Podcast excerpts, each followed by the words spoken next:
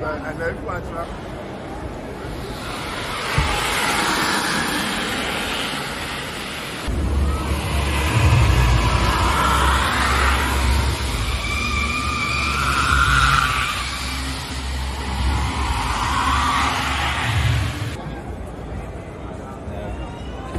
in the middle. Squeeze like you're grabbing a